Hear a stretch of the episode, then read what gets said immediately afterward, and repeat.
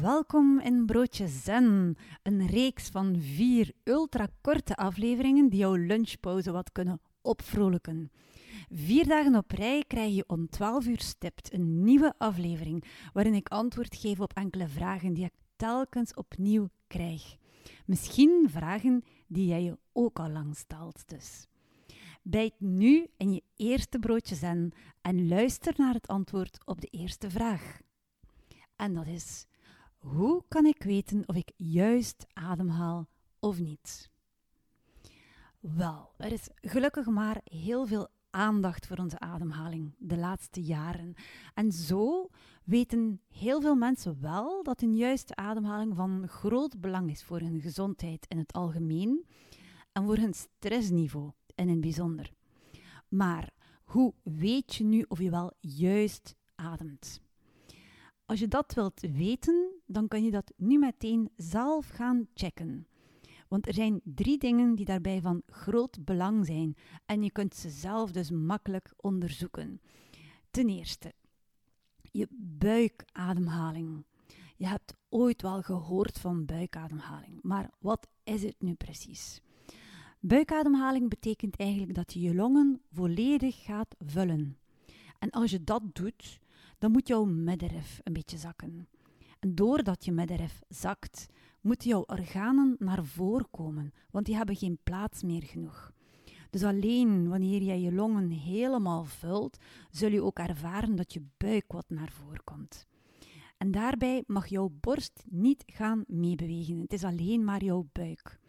Dus als je wilt controleren bij jezelf of je wel aan buikademhaling doet, ga dan gewoon even liggen. Het is makkelijker als je gaat liggen om het te controleren. Leg één hand op je buik, één hand op je borst en adem dan gewoon zoals je anders doet. En dan is het belangrijk om te kunnen opmerken of jouw hand op je buik op en neer gaat of niet en de hand op jouw borst. En de bedoeling is dus dat je hand op je borst gewoon onbewegelijk blijft liggen, maar dat de hand op je buik omhoog komt telkens wanneer je inademt. En dat die dus weer omlaag gaat telkens je uitademt. Een tweede ding dat belangrijk is om juist te ademen, dat is neusademhaling. Je moet altijd door je neus ademhalen, niet door je mond. In het Engels zegt men het zelfs heel mooi met een uitdrukking en die luidt: The mouth is for eating, the nose is for breathing. Onze mond dient niet om door te ademen. En ook s'nachts moet je altijd door je neus ademen. Sommige mensen kunnen dat niet. En natuurlijk is het ook erg moeilijk om dat bewust te gaan doen, want je bent aan het slapen. Dan kun je bijvoorbeeld myotape gebruiken. Dat is een speciale tape die ervoor zorgt dat je mond wel dicht moet blijven s'nachts. En als je denkt, dit is wel een heel barbaarse methode, weet dan dat je het maar misschien enkele dagen moet doen, hoogstens enkele weken, en dat je dan vanzelf gaat juist gaan ademen, door je neus. En dan is er nog die derde factor, en die is toch wel de allerbelangrijkste, en dat is het ritme waaraan je ademt. Snel ademen is niet goed voor de gezondheid. Trouwens, als je snel ademt, is de kans dat je buik meeademt erg klein, want dan ga je je longen niet volledig vullen. Er is geen tijd genoeg.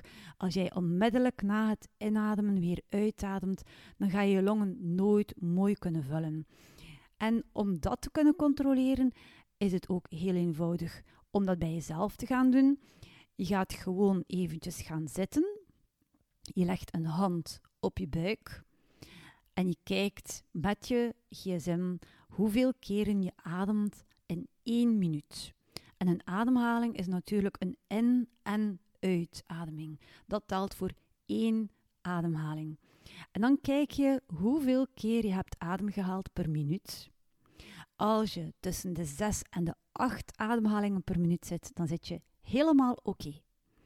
Als je boven de 12 gaat, dan is het niet meer zo oké. En als je meer dan 16 keer per minuut ademhaalt, dan ben je echt niet goed bezig.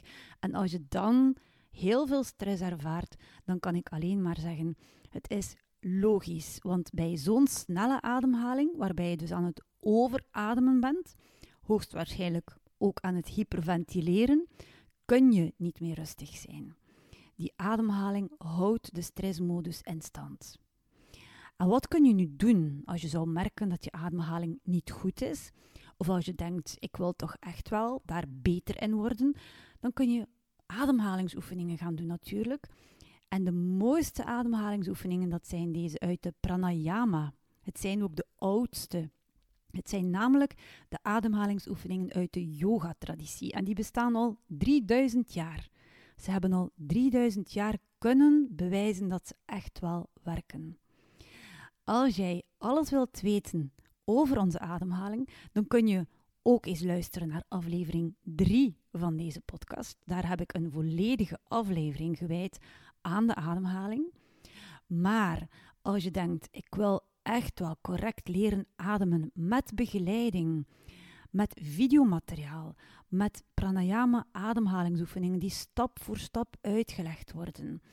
En als je misschien daarnaast dan ook alle andere dingen wilt leren, andere technieken die jou tot rust kunnen brengen, zoals mindfulness, meditatie en oefeningen uit de yogatherapie om het contact met jouw lichaam te herstellen.